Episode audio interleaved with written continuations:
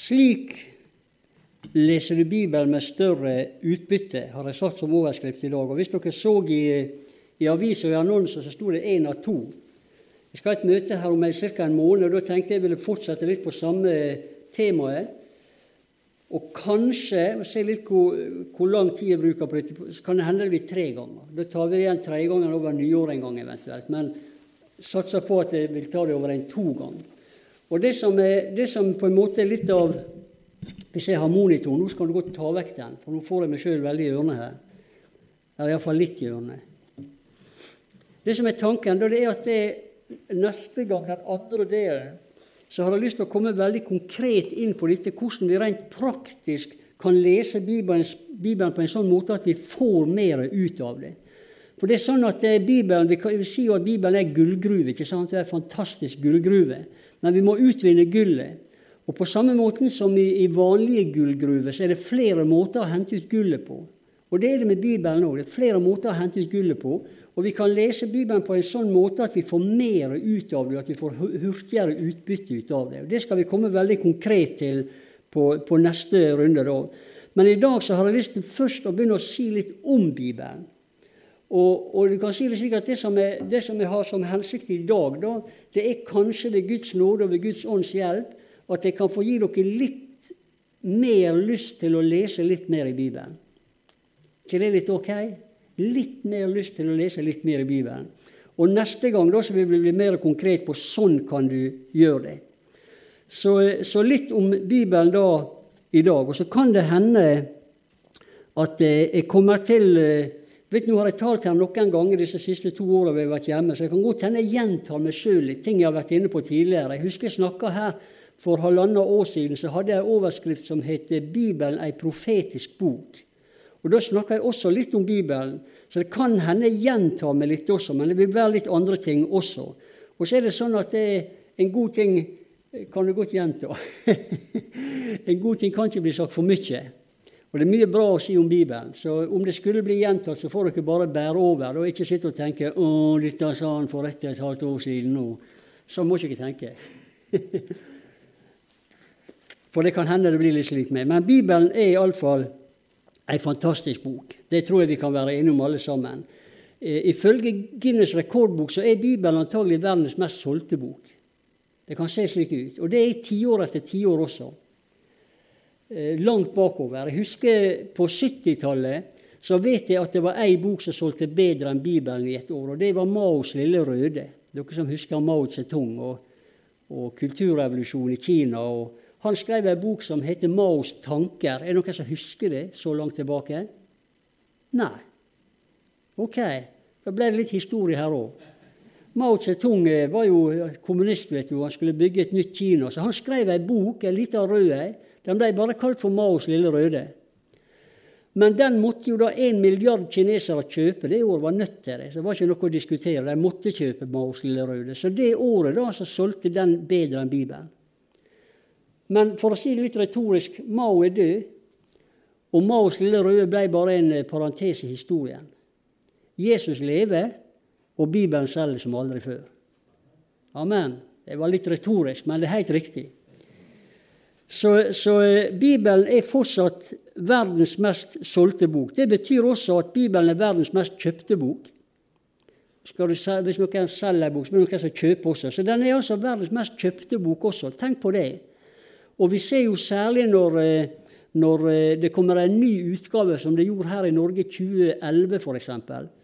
Da solgte jo plutselig Bibelen gjorde et veldig løft igjen. Fordi at det, Selv om vi har bibler, så har vi også litt lyst på den siste. ikke sant? Vi vil gjerne, gjerne følge med i den siste også, se hvordan det er oversatt. Språket endrer seg jo. Så det er veldig godt og riktig at det kommer nye oversettelser hele tida, slik at språket til enhver tid kan være iallfall så moderne som mulig. Så, så, når det kommer nye bøker, så selger den ekstra. Her i Norge så solgte denne 20-oversettelsen i, i, veldig godt i et par-tre år fremover og gikk ned. Men jeg mener på at den fortsatt er den best solgte i verden. Da. Og så tror vi at Bibelen også er verdens mest leste bok. Og Det baserer vi på at uh, muslimer leser ikke Koranen på samme måte som vi leser Bibelen. vi, vi, slår jo opp i Bibelen ofte på morgenen og får et morgenord, eller vi gransker den litt på kveld ettermiddag og leser et ord på senga. Litt sånn forskjellig. Men kristne flest leser jevnlig Bibelen fordi de kjenner at det er noe som gir oss kraft og energi. Muslimer flest leser ikke Koranen på den måten. Så vi tror at Bibelen også er verdens mest leste bok. Og så tror vi at den er verdens mest stjålne bok. Halleluja! vi velsigner ikke tyveri sånn til vanlig, men når folk leser stjeler bibler, da sier vi 'stjel i vei', og les. Og Det er, mange eksempler på at folk faktisk har stjålet seg en bibel og blitt frelst ut av det. Er klar over det? Det er jo fordi Bibelen er levende. selvfølgelig. Bibelen gjør noe med oss. Og jeg kan huske eh, når jeg var på eller når jeg var pastor på Østlandet, så samarbeida vi mye med Evangeliesenteret. Og jeg hadde bibeltimer på bibelskolen på Østerbo, annet. Og en av de karene som kom og gikk der, da, han eh, hadde eh, en, en, en søndags bakfull før han ble frelst. Da. Han bodde i Sarpsborg. Så han skulle ha gått hjemover nord for Sarpsborg en søndags formiddag. Og Da var det gudstjeneste i ei kirke nord for Sarpsborg. Opp, oppover Der og der hadde han gått inn og stjålet seg en bibel i, inngangspartiet. For, for det, det, Når du kommer inn i kirka, så er det et rom, og Der det, var det et bord fullt av bibler oppå. Så han stjal en bibel og gikk videre. Og kortversjonen da, dette tar jo litt tid, men kortversjonen er han leste den, han ble frelst. Han søkte seg inn på evangeliesenteret og kom til Østerbo. Og eh, Vært der en stund så gikk han på bibelskolen. Og Da begynte han jo å lære dette her som vi kaller for Guds rett og galt. Og Plutselig så gikk det opp for ham at jeg, jeg kan jo ikke bare stjele en bibel. Så, så han gikk opp igjen til den kirka han skulle be om tilgivelse og gjøre opp for seg. Og Da viste det seg at de lå der til gratis utdeling. Så, så, så, du ser, Guds veier er uransakelige. Så han trodde han stjal han, men han stjal han ikke. Men frelst ble han nå, så Gud er god. Og så husker vi, eller vet vi at Voltaire, denne kjente franske filosofen, midt på 1700-tallet, gudsfornekter, fritenker, han sa i sin tid at uh, om 100 år så er Bibelen borte. De trodde jo på et nytt og annet samfunn som skulle komme. Og om 100 år sa han, så er det ikke plass til, til Bibel og tro i det moderne samfunnet som vokser frem nå. Sannheten er at 100 år etterpå så brukte de Voltaire sitt hus til distribusjonslager for bibler. Det var en bra smikk på fingrene, tenker jeg. Og i dag, 270 år etterpå, så er altså Bibelen verdens mest solgte bok og ligger i toppsjiktet hele tida. Fantastisk bok. Jeg har jo lest mange av disse såkalte hellige bøkene i verden. Jeg har lest mye i Bibelen, men jeg har også lest Koran. Jeg har Koran hjemme, og den er full av streker og henvisninger og farger, sånn som Bibelen min, så jeg har jobba med den. Jeg har Mormors bok. Jeg har en del buddhistisk litteratur. Jeg har litt hindulitteratur. Eh, jeg har lest i disse her Vedaskriftene, og jeg har lest utdrag av tibetanernes dødebok. Så jeg, har, jeg prøver å lese ting for å, mye for å forstå hvordan andre troende tenker og tror, og hvorfor de gjør det. Men jeg må si med hånda på hjertet, og det er ikke noe jeg sier fordi jeg er pastor og har lønn for å si det, men jeg, jeg, jeg mener i hele mitt hjerte at jeg har bare lest ei eneste bok som forkynner en farbar og mulig vei til himmelen, og det er Bibelen. Og Grunnen til det er at det er bare Bibelen som gjør noe med det som stenger oss ute fra himmelen, nemlig syndene våre. Og De andre kan snakke om synd, men det er bare Bibelen som gjør noe med problemet. Og Bibelen har jo en fantastisk løsning. Og Hvis du ser på, på religioner flest, og jo mer primitive religionene er, så vil du se at det er, det er veldig mye gjøring i religionene. Og særlig primitive religioner og, og, og, Gud er et veldig sånn skremmende, farlig objekt som du må tilfredsstille med ofringer og gjerninger. Og Ofte så fremstilles Gud i, i, i, Jeg husker når jeg var guttunge, så var vi jo indianere og cowboyer. I dag er jo det monster og den verden der og, og sånn space-greier. Men vi, vi var indianere og cowboyer.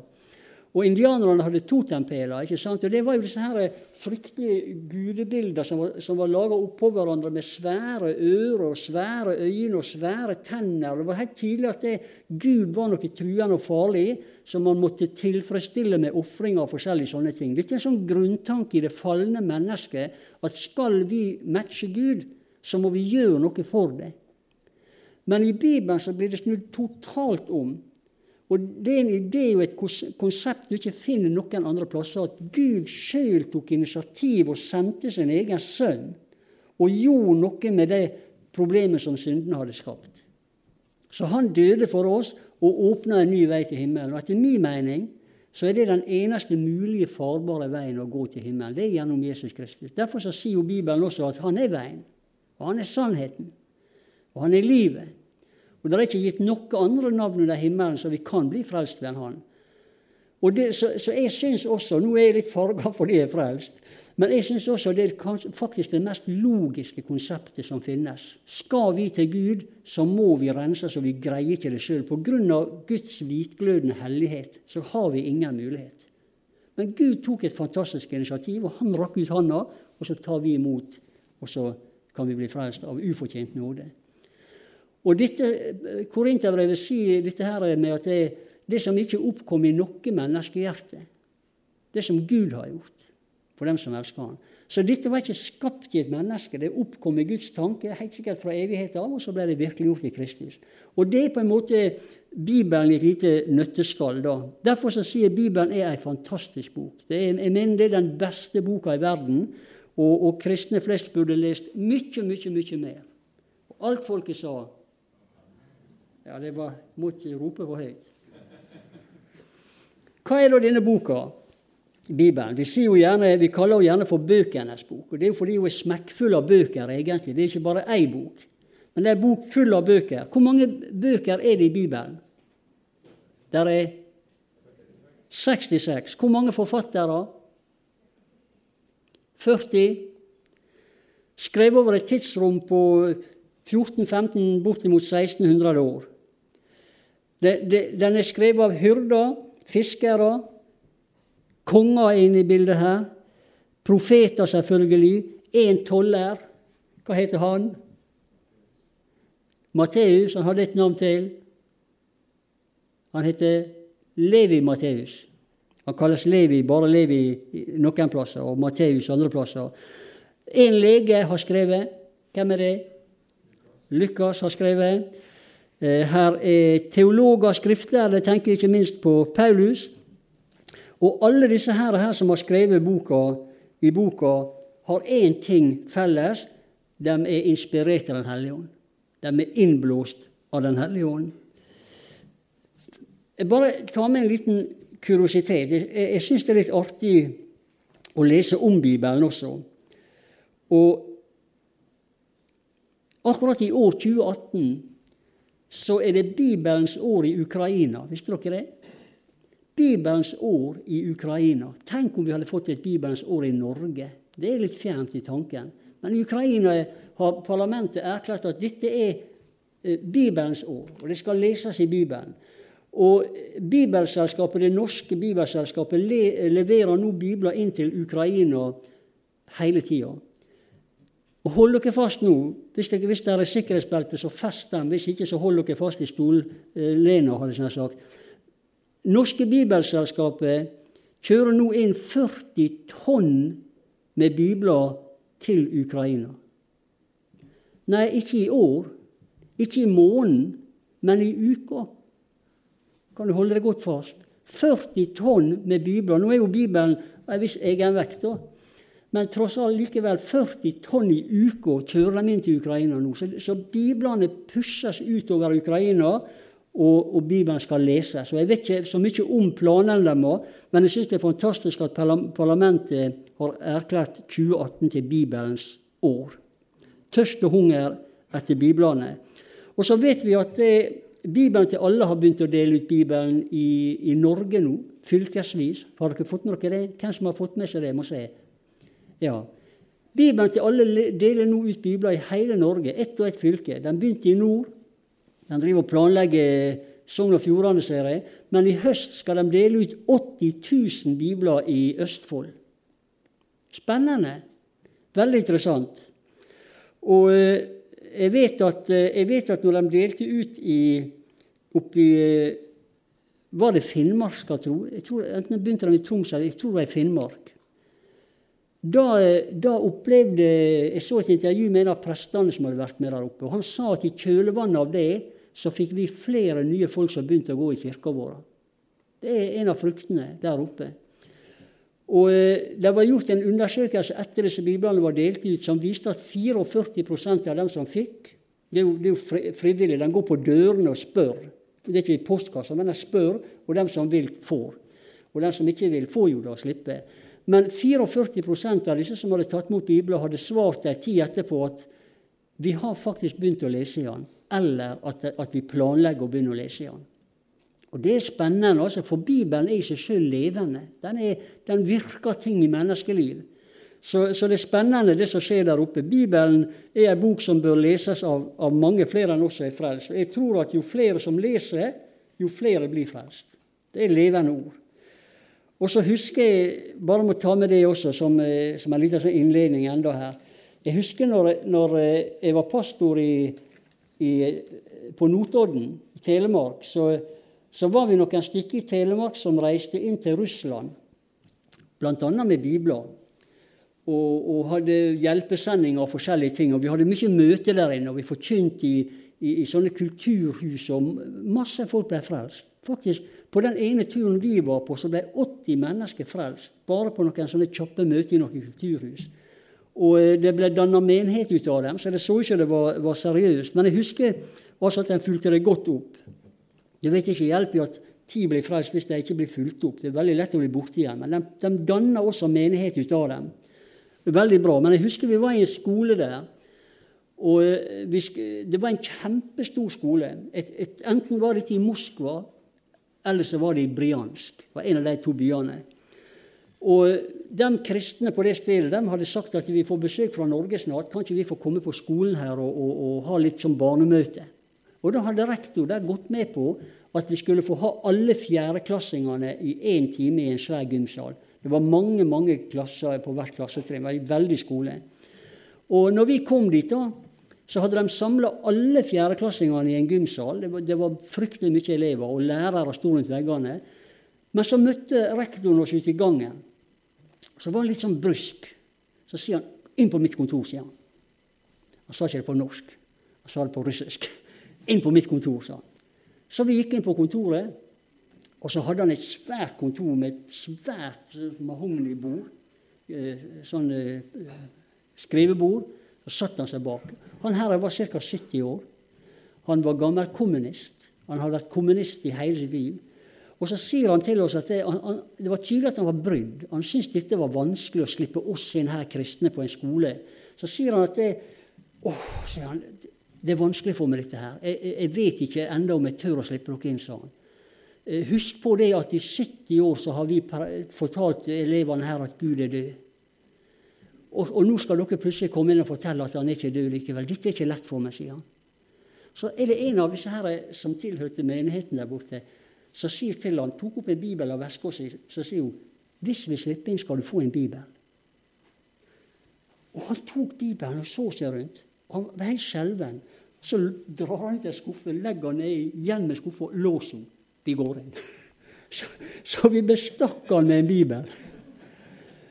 Og Der fikk vi slippe inn og, og, og tale en hel time til alle fjerdeklassingene. Og rektor satte seg da på, på aller første Det var jo en svær gymsal. Og rektor satte seg der rett foran oss. Ellers var det helt fullt av elever. Han satt sånn hele timen og hørte på. Og, og vi, vi, sang jo sanger, vet du, og disse her russiske sang jo barnesanger på russisk. Og ei der hadde ei sånn lita sånn kasse med hånddukke, du. Sånn teaterkasse med hånddukke med, med, Jesus og disiplene. Så hun leika evangeliet om Jesus rett inn i disse ungene. Og dette her var en problemskole. Men disse ungene de satt med hakeslepp og svære, tindrende øyne. Det var ikke knust, og lærerne sto utover langs veggene her. Det var ikke en lyd. Og rektor sitter der og hører på, vet du, og vi tenkte kjære Gud, hvor skal dette her gå? For det var jo evangeliet. Så når vi var ferdig, så kom rektor inn på mitt kontor. Vi tenkte nå. Så setter han seg bak skrivebordet sitt igjen. Og så er han helt på gråten. Og så sier han dette er jo det våre elever trenger. Har hørt evangeliet for første gang i sitt liv. dette er jo det våre elever trenger. Og så gjør han, mens vi sitter der, så gjør han en avtale med disse folka som bor på stedet. En gang i måneden skal dere komme her én time og lære. Ganske fantastisk. Men vi bestakk han med en bibel. Jeg har aldri glemt det. Han fikk en bibel, og da var det greit. Så, så tenk dere det at det, noen plasser i verden er det veldig hunger etter Guds ord. Og På Cuba nå så er det også store bibelaksjoner, og de deler ut bibler. Stor etterspørsel. Vi skal gå litt til Bibelen nå. Har dere med bibler? Og du kan jo kanskje, Hvis du legger opp også kjapt, så er det 2. Timoteus 3, 14-15. 2. Timoteus 3, 14-15. Dette er jo kjente ting for mange av dere. Men likevel. Jeg sa det at det, alle disse her forfatterne de har én ting felles. De var inspirert og innblåst ved Den hellige ånd. Og I 2. Timoteus 3, 14-15 så står det sånn men bli du, Timoteus, Paulus skriver til sin unge, unge medarbeider, bli du det som du har lært, eh, og som du er blitt overbevist om. Du vet jo hvem du har lært det av. Kanskje mener han da mora og bestemora, som var frelst og gikk i menigheten, og som tok med seg Timoteus i møter, ser det ut som. Du vet jo hvem du har lært det av, sier han. Og da du helt fra barndommen av kjenner de hellige skriftene som kan gjøre det vist til frelse ved troen på Kristus Jesus. Hele Skriften er innblåst av Gud og nyttig til lærdom, til overbevisning, til rettledning og til oppdragelse, for at Guds menneske skal være fullkomment istansa til all god gjerning. Her ser du, Dette er litt av Bibelen sitt sjølvitnesbyrd, sitt eget vitnesbyrd. Bibelen sier at Bibelen er innblåst av Gud. Skjønt vi må vel med, med, med, all respekt si at den her refererer til Det gamle testamentet, selvfølgelig. Det gamle testamentet, Skriftene, er innblåst av Gud. For når han skriver dette, så er ikke brevene skrevet, og er ikke apostelgjerningene skrevet, eller de levde i det, men det var ikke til. Så han refererer til Skriftene, de gammeltestamentlige, og sier at de er innblåst av Gud. Derfor så sier vi at Bibelen er Guds ord. Vi skal komme til det nye også om et lite øyeblikk. Og hvis du blir med til 2. Peter 1,21 2. Peter 1,21 så står det sånn Aldri er noe profetord fremkommet ved et menneskes vilje, men de hellige Guds menn talte drevet av Den hellige ånd. Og det er dette som gir Bibelen autoritet. Den er Guds ord, og dem som skrev Eh, profetiene og Toraen og alt som vi har der, den var drevet av Ånden.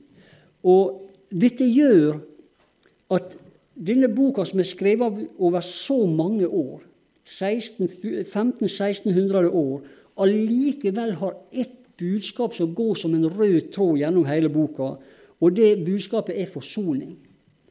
Og det, det, det er Helt fra begynnelsen av så handler det om forsoning gjennom offer etter offer etter offer etter offer etter offer i hundrer av år og mange mange generasjoner. Alteret var alltid rødt av blod. Det var offer, offer hele tida. Og dette var nødvendiggjort pga. menneskets synd og Guds hvitglødende hellighet. Det måtte et, et offer til, det måtte et liv som måtte sone. Så det er ett hovedbudskap, forsoning, og så er det én hovedperson, og det er ikke Jesus, men det er lammet. Lammet er hovedpersonen gjennom Bibelen. Og det begynner helt ifra fallet, hvor vi vet at det, når Adam og Eva synda og falt, så ble de oppmerksom på at de var nakne, så de så skam og skylda på den måten. Og da jo, lagde Gud kjortler av skinn, så de fikk dekke seg med. Så der er det første sporet av et offer i, det, i Bibelen, i Det gamle testamentet. Og Det står ikke noe om hva slags dyr som ble ofra, men jeg tror at når vi kommer til himmelen, og hvis, Gud da, hvis vi skal beskjeftige oss med slike ting da, så er jeg ganske sikker på at vi får høre at det var et lam. Men det, det, det behøver ikke det ha vært. Men jeg, men jeg er ganske sikker på at jeg tror at når jeg kommer til himmelen, så sier Gud du hadde rett, Boggy. Det var et lam. Men jeg er helt åpen for å bli korrigert. Men der begynner iallfall forsoningslinja med dette offeret. Og dette går da gjennom hele Det gamle testamentet, langt inn i det nye, og helt inn i Johannes' åpenbaring som en sånn rød tråd. Eh, Abraham vet vi jo som skulle ofre Isak. ikke sant? Vi kjenner historien. Og De hadde med seg ild og de hadde ved, og Isak forsto ikke at det var han som var offeret. Men han var jo på vei opp dit for å bli ofra. Og når de kommer opp og de har gjort alt, så sier Isak her er jo, her er jo ved, og vi har ild, men hvor er lammet? Og, og så, sier, så, Abraham, sikkert svett og, og, og, vanskelig for han å si Gud skal se seg ut lammet. Og så finner han denne væren som henger fast med, med horna i ei buske som han ofra istedenfor Isak, som et sånn stedfortredende offer. Men det var ikke et lam. Det var en voksen vær med, med, med horn som var utvikla sånn at han kunne sitte fast i ei buske. Så, så dette spørsmålet om hvor lammet er, det ble egentlig ikke besvart med den vern. Så det lammet henger som et sånt spørsmål gjennom hele Bibelen. Og vi ser seinere i, i 2. Mosebok 12, når de går ut av Egypten, og de var fanga i lenke, og de var under slaveri. og vi, vet jo at alt dette er et fantastisk bilde på forsoninga, som en dag skal komme fullkomment i Kristus. Men når de var i slaveri der, så skulle de ut i, i frihet, og da måtte de ofre et lam. Og Så strøk de blodet på dørstolpene, og vi bruker gjerne litt uttrykk om å, om å, stryke blodet på hjertets dørstolper og øverste dørtre. Det er et fantastisk flott uttrykk. Og så vet vi at når dødsengelen da gikk gjennom landet denne natta, her, så gikk han forbi alle dørene der lammets blod var strøket. Og, og det står at det, når, når, jeg ser blodet, så skal jeg gå forbi den døra. Så det handler om at når, når vi har fått Jesu blod strøket i vårt liv, så vil dødsengelen en dag, når dommen kommer, gå forbi vårt liv også. Det, det var et offer, et stedfortredende offer, et, et lam for vårt liv. Og så fortsetter denne linja som vi ofte for, kaller for Bibelens røde tråd. Og litt dramatisk så kaller vi jo, kaller vi jo gjerne også for blodlinja. Det er jo et fryktelig uttrykk, men det, det, det er riktig likevel. Eh, Bibelens røde tråd innom bok etter bok. Jeg bare nevner 3. Mosebok 16, Jom Kippur, store forsoningsdagen, hvor ofringa på nytt ble gjort. Da var det for en gang i året, eller for året Synden som hadde vært det året, ble, ble gjort opp med et offer på, på Jom Kippur. Og så går det som en tråd hele veien. Helt til Johannes en dag står med disiplene på bredden av Jordan. og Så kommer Jesus på andre sida. Så peker han over elva og så sier han, 'Se der, Guds lam, som bærer' Og så sier han merkelig nok ikke Israels synd, men han har en, en utvida visjon, en utvida profetisk syn, hvor han sier 'som bærer verden sin'. Og Da er han egentlig langt inn i Det nye testamentet, i den nye pakt, og inn, helt inn i vårt liv. Han har båret våre synd også. Men dette er den røde tråden som går da også helt inn i Johannes' åpenbaring, hvor det står 'Han som elsker oss og har fridd oss fra våre synder med sitt blod'. Så da blir det liksom komplettert, og da er vi alle innbefatta som har tatt imot Han. Så, så, dette er hovedbudskapet gjennom Bibelen. Forsoning. Hovedpersonen er lammet, personifisert da til slutt i Jesus Kristus, en gang for alle. Dette er Bibelens røde tråd. Så kommer jeg til hovedpunkt nummer én. Hvorfor er det da viktig å lese Bibelen? Jeg har jo sagt Overskrifta er 'Slik leser du Bibelen med større utbytte'. Så hvorfor er det viktig å lese Bibelen? Og Da skal vi gå først til Matteus 22, 29. Og, og la jeg si at det er mange grunner til at det er viktig å lese Bibelen. Men jeg vil bare i, i dag holde frem én ut av dem. Det er jo viktig fordi Bibelen sier også at vi skal vokse i nåde og kjennskap til Jesus Kristus. ikke sant? Og det gjør vi jo gjennom Bibelen. Det er jo der vi lærer Jesus å kjenne. Så det gir seg jo sjøl. Men, men, det er mange grunner, og her er en veldig viktig grunn som jeg tror er veldig relevant i vår tid. For vi tror jo at eh, nå når jødene, nå er jo nesten halvparten av jødene tilbake i Israel. ikke sant? Og det har tatt 70 år. Og vi vet at alle skal tilbake. Se, se hvordan forfølgelsen plutselig slår for fullt bort i USA også nå. Hvis dere så på nyhetene i går. Eh, mot jødene. Skyter flere jøder i en synagoge der inne. Og vi vet at alle jødene skal tilbake til Israel, og vi tror de blir skremt tilbake til Israel. Jeremia snakker om dette, vi skal ikke gå inn på det i dag. Men, men hvis det er riktig sånn som vi tenker, så lever vi i den siste tid, uten at vi skal definere hvor lang den er. Men alle jødene skal hjem, halvparten er tilbake. Og vi ser også en del andre ting i vår generasjon som oppfylles av den gammeltestamentlige profetiene.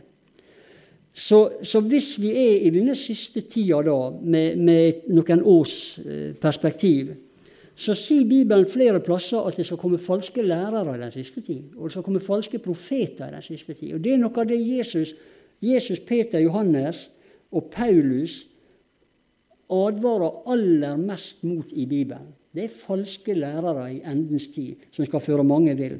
Så, så, i det perspektivet så har jeg lyst til å si litt nå hvorfor er det viktig å lese Bibelen. Og Da står det i Matteus 22, 29 på denne måten. Jesus svarte og sa, dere farer vill fordi dere ikke kjenner Skriftene. Det er veldig alvorlig. Han forventa at, at samtida skulle forstå Skriftene og forstå seg på tidene. Men han sier dere farer vill fordi dere ikke kjenner Skriften og heller ikke Guds makt. Og da kan vi tenke i større perspektiv Den hellige ånd, som, som, som er noe av Guds makt, Guds kraft på jorda i dag. Så, så der, der kommer, tror jeg, i endens tid til å bli et økende trykk av merkelige lærevær gjennom falske profeter, falske eh, lærere, inn mot menigheten. Har jeg talt her om de ti brudepikene, skal tro?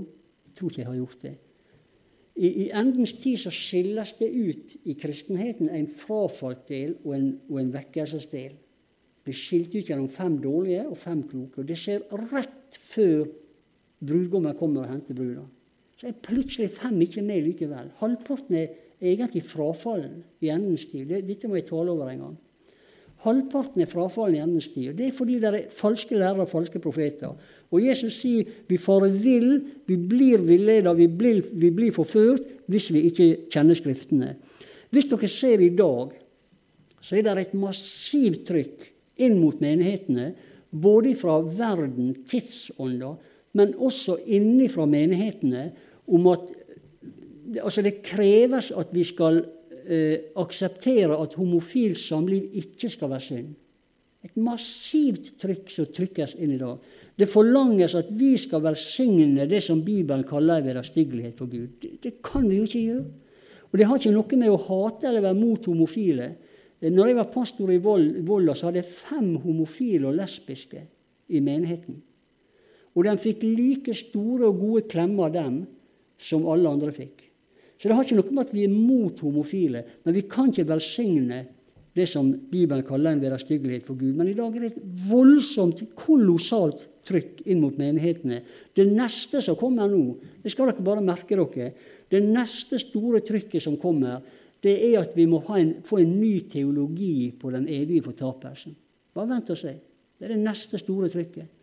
Det forlanges at vi må ha en ny teologi på den evige fortapelsen. Vi kan ikke lenger tro på det som Jesus forteller om helvete, som brenner med en evig ild. Det må ut, og så må det mildere teologier inn. Det kommer i full kraft.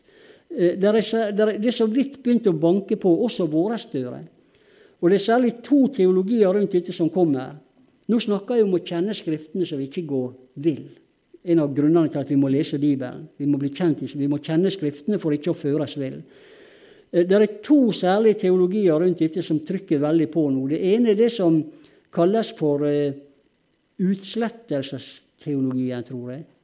Det er en teologi som sier at ja, alle som er frelst, kommer til himmelen. Men dem som ikke er frelst, dem blir bare tilintetgjort. Altså, de opphører å eksistere. Det går i svart. Men det er ikke det Bibelen sier. Men det er jo veldig besnærende å, å, å, å tro på det. Og så er det den andre som, er, som nok kommer, kommer, mye sterkere inn, som kalles for universalismen. Det er dette at alle blir frelst til slutt. Ingen går fortapt, alle blir frelst til slutt. Flere teologier og biskoper i dag preker det, og de har gode argument, flotte skriftord, men jeg tror de du, får litt sånn tunnellesing, for det står så veldig mye som du må se vekk fra hvis du skal lande på den teologien. Så, så, selv om de kjenner Skriftene, nå snakker jeg om virkelig skrifter og utdanna, så er det som om de ikke vil se alt likevel. Jeg forstår ikke hvorfor. Men det er klart at det, det er besnærende å tenke at alle blir frelst til slutt. Men, men da kan, må vi jo i, i, en, i, en, konsekvens av det tenke hvorfor skal vi da vinne folk for himmelen i det hele tatt? Hva skal vi med misjon? Hva skal vi med bønnelistene våre, så vi ber for naboer og venner og greier? Vi kan bare brenne alt. vi kan droppe, Tenk at vi kunne spare det opp og ikke holde på med all denne misjonen som koster ei tusen her på tusen her. Men, men det, ikke, det, stemmer ikke med Bibelen sin helhet. Så vi må kjenne Skriftene hvis vi ikke skal fare vill fra veien i dag. Nå, nå ser jeg tida går her, men jeg skal runde kjapt av. Men bare hør en ting. Eh, et lite bilde på dette her er om å, om å følge veien. Følge den rette veien. Det er jo sånn at det, hvis du, hvis du skal, skal, gå mot et mål i et ukjent terreng, med skog f.eks., så vet de jo at du, du, vil, du, vil, gå i sirkel. Mennesker vil gå i ring. Det er jo sånn som vi har kjent alltid, eller i mange år, at går du i et ukjent område, selv om du vet du skal i den retninga, så vil du likevel gå litt i ring. Og når jeg var speider, så, så var det fordi at det ene foten var litt kortere enn den andre på alle mennesker. Det er bare ørlite små, små marginer, men det gjør at du vil gå litt i sirkel. Men nå har nyere tidsforskning vist For man forsker faktisk på å gå vill i skogen, altså. Helt seriøst. Nyere tids forskning på dette med at vi, vi sporer av og går i sirkel, det er at de har funnet ut at det er tre grunner til at vi gjør det. og Dette kan du nesten relatere inn i det åndelige livet også, med å holde kursen, kontra det å vike av fra kursen. Og Det ene som påvirker retninga vi velger, det er om vi er høyrehendt eller venstrehendt. Altså naturlige forutsetninger, kan du si, som ligger i mennesket. Det er den ene grunnen. Hvis du er høyrehendt, så vil du gå litt mot høyre. Er du venstrehendt, så vil du gå litt mot venstre. Så det ligger noen sånne naturlige forutsetninger i oss, individuelle ting. Og, og du kan godt tenke på det sånn at det, vi har jo også individuelle erfaringer. Individuelle erfaringer gjennom livet som former fornuften vår, som former samvittigheten vår, og som ligger helt ifra, nesten latent ifra vi, vi er født, og som avgjør litt hva slags valg vi gjør gjennom livet. Så, så, vi kan påvirkes av fornuft og samvittighet. Det er naturlige forutsetninger som gjør at vi gjør noen valg og styrer litt gjennom livet. Det andre som gjør at vi tar av eh, mot høyre eller venstre hvis vi går tur, det er om vi har ryggsekk. Fordi at Hvis du laster en ryggsekk, så vil du aldri klare å laste slik at det er nøyaktig samme vekta både på høyre og venstre reimer. Det vil alltid være en viss ubalanse i en ryggsekk. Og den reima som da er litt tyngre, den vil trekke det i en retning. Og er det venstre reima, så vil det trekke det i en retning. Så sånne ting gjør at vi, at vi velger litt forskjellig. Tenk da overfør det, tenk deg bagasje. Ting som veier i vårt liv. ikke sant? Og det er helt klart at gjennom livet så står vi i fare for å endre litt tankemønsteret vårt når det gjelder sånne ting som Du vet, alle mennesker opplever lidelse, større og mindre grad. Vi opplever smerte og sykdom i, i nær familie. Vi, vi, ber for våre, og, og de dør allikevel. ikke sant? Og så er det sånn at det vi, vi, alle mennesker, ikke alle, men mange mennesker opplever også gjennom livet svik, som er fryktelig sårende eller avvisning osv., som skaper følelser gjennom livet. Og Det blir en bagasje som kan avgjøre hva vi velger i lærespørsmål hvis ikke vi er veldig nøye. Altså Vi drar med oss ting gjennom livet, og det må vi være oppmerksom på. For det kan få oss til å akseptere lærevær fordi det virker så forlokkende for oss. Fordi vi har noe i følelsene og tankene. Og det siste, da, da skal jeg runde av med det i dag. Det siste og det tredje som de eh, har funnet ut avgjør hva slags vei vi, vi svinger når vi går i tur, det er faktisk været. Altså Hvis du får inn sidevind med regn, så vil du uvilkårlig dreie ansiktet litt bort fra det. Og da vil den vinden få det til å gå litt i en annen retning enn det du egentlig hadde tenkt. Dette er det som skjer når lærevær velter med gjentatte eh, gjentagelser hadde jeg sagt, gjennom media osv. Velter innover oss, og det er fryktelig lett å bli blåst litt til ei av sidene. Hvis vi ikke har et kompass. Da vet du nøyaktig riktig retning, men da må du følge kompasset. Og da behøver ikke du gå av verken til høyre eller til venstre. Og kompasset i vår sammenheng, det er jo Guds ord. Dere farer vill fordi dere ikke kjenner Skriftene. Vi kommer ikke lenger i dag, men da kommer jeg til å bruke tre ganger, Harry. Så da må jeg ha en bibeltime i januar eller februar. Jeg, skal, jeg, skal, jeg, har fått en dato om ca. vel en måned, tror jeg det. Og da skal vi fortsette på dette og ta del to. Og så, og så ser jeg at jeg må ha en over nyåringa. Så skal vi avslutte det da. Og Hele veien så vil det, vil det disse bibeltimene da bli sånn leser du Bibelen med større utbytte. Men jeg snakker nå litt først bare om Bibelen, om tidsånden, hvorfor det er viktig å lese. Så skal vi fortsette på det. Halleluja! Fantastisk å være frelst midt oppi alt. Skal vi be litt? Jesus, vi takker deg for ditt ord. Levende og kraftig Vende aldri tomt tilbake, Herre. Du har noe til oss, du har noe for oss, og du har noe i oss, Jesus. Så vi ber deg om visdom og nåde i den tida vi lever nå, til å både lese Skriftene, få mer ut av det, og også at du gir oss et hjerte, Herre, som ønsker å følge det og bare det, Herre. Vi vet at du er veien, ditt ord er sannhet, og det er det vi vil stå på hele veien. Så ber vi om at det vi skal få eh, kompasset klart og tydelig, Herre. At du, du, gir oss det motet som vi også trenger både til å tro og til å stå på det, men kanskje først og fremst til å lese det, og at du gir åpenbaring til å forstå det, Herre. Vi ber om nåde og hjelp i Jesu navn. Amen.